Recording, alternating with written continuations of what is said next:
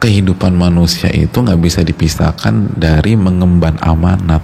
Pada saat kita suami menasehati istri kita bahkan mungkin memarahi istri kita karena sebuah kesalahan istri kasih masukan ke suami. Karena mungkin suaminya belum ngaji belum mengerti apa-apa. Bandingkan antara ucapan kita dan perbuatan kita. Kalau sama Alhamdulillah. Tapi kalau tidak jangan kita didustakan oleh diri kita sendiri Kata Ibrahim bin Yazid At-Taimi, tidaklah aku membandingkan antara ucapanku dan perbuatanku kecuali kesimpulannya aku khawatir aku ini didustakan oleh perbuatanku sendiri.